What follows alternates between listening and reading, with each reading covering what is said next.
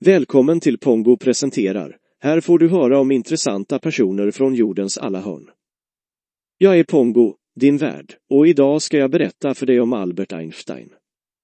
Albert Einstein var en av de mest inflytelserika vetenskapsmännen i modern historia och hans bidrag till fysiken och vår förståelse av universum har påverkat mänskligheten på ett djupgående sätt.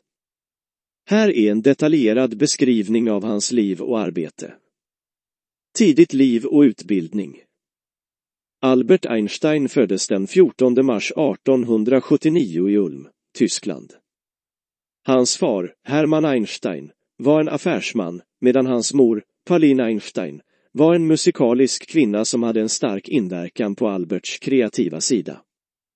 Einstein visade tecken på intellektuell briljans redan som barn och var en passionerad läsare som var intresserad av naturvetenskap och filosofi. Einstein började sin formella utbildning vid sex års ålder och visade tidigt en ovanlig förmåga att förstå matematik och vetenskapliga koncept.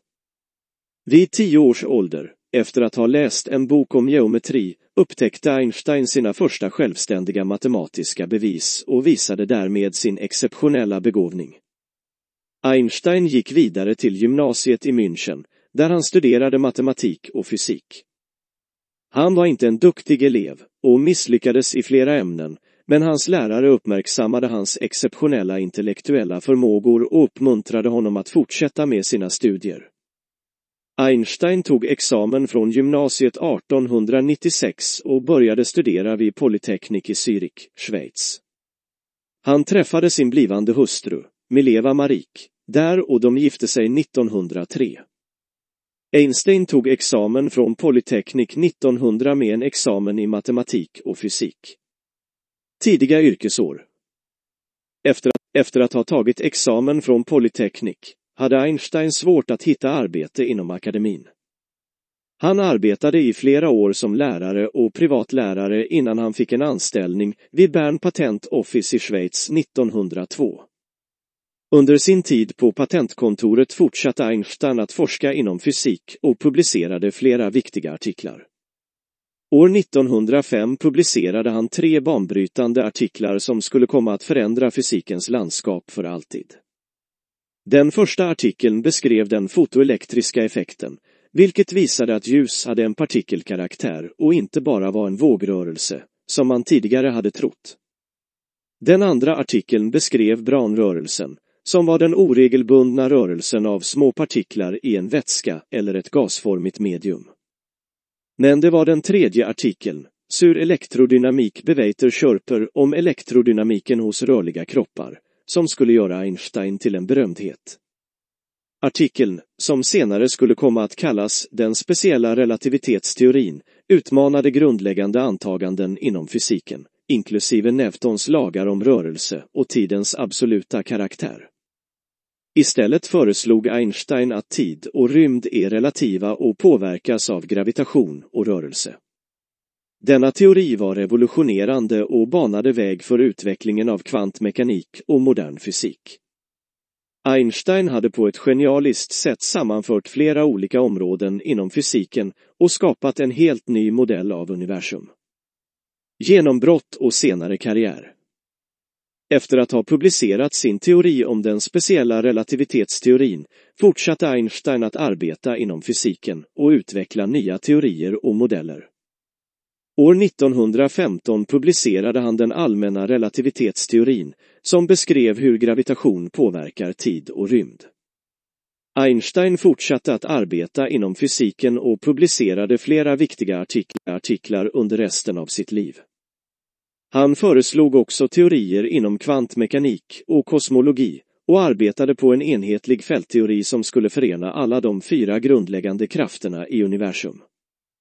Einstein blev en berömdhet under sin livstid och tilldelades Nobelpriset i fysik 1921 för sitt arbete med den fotoelektriska effekten.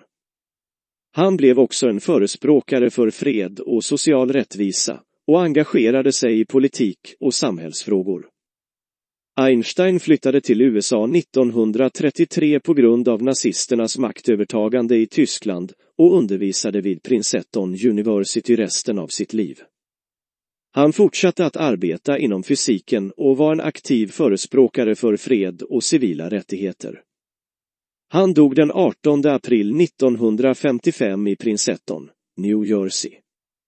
Einstein och kulturellt inflytande Albert Einstein var en av de mest berömda vetenskapsmännen i modern historia och hans bidrag till fysiken har påverkat mänskligheten på ett djupgående sätt. Han har inspirerat generationer av vetenskapsmän och fortsätter att fascinera och inspirera människor över hela världen. Einstein har också blivit en ikon för popkulturen med sitt signaturhår och karaktäristiska mustasch som har blivit en symbol för genialitet och intellektuell kapacitet. Han har skildrats i filmer och böcker och hans ansikte har dykt upp på allt från teskick till kaffemuggar. Sammanfattning Albert Einstein var en av de mest inflytelserika vetenskapsmännen i modern historia.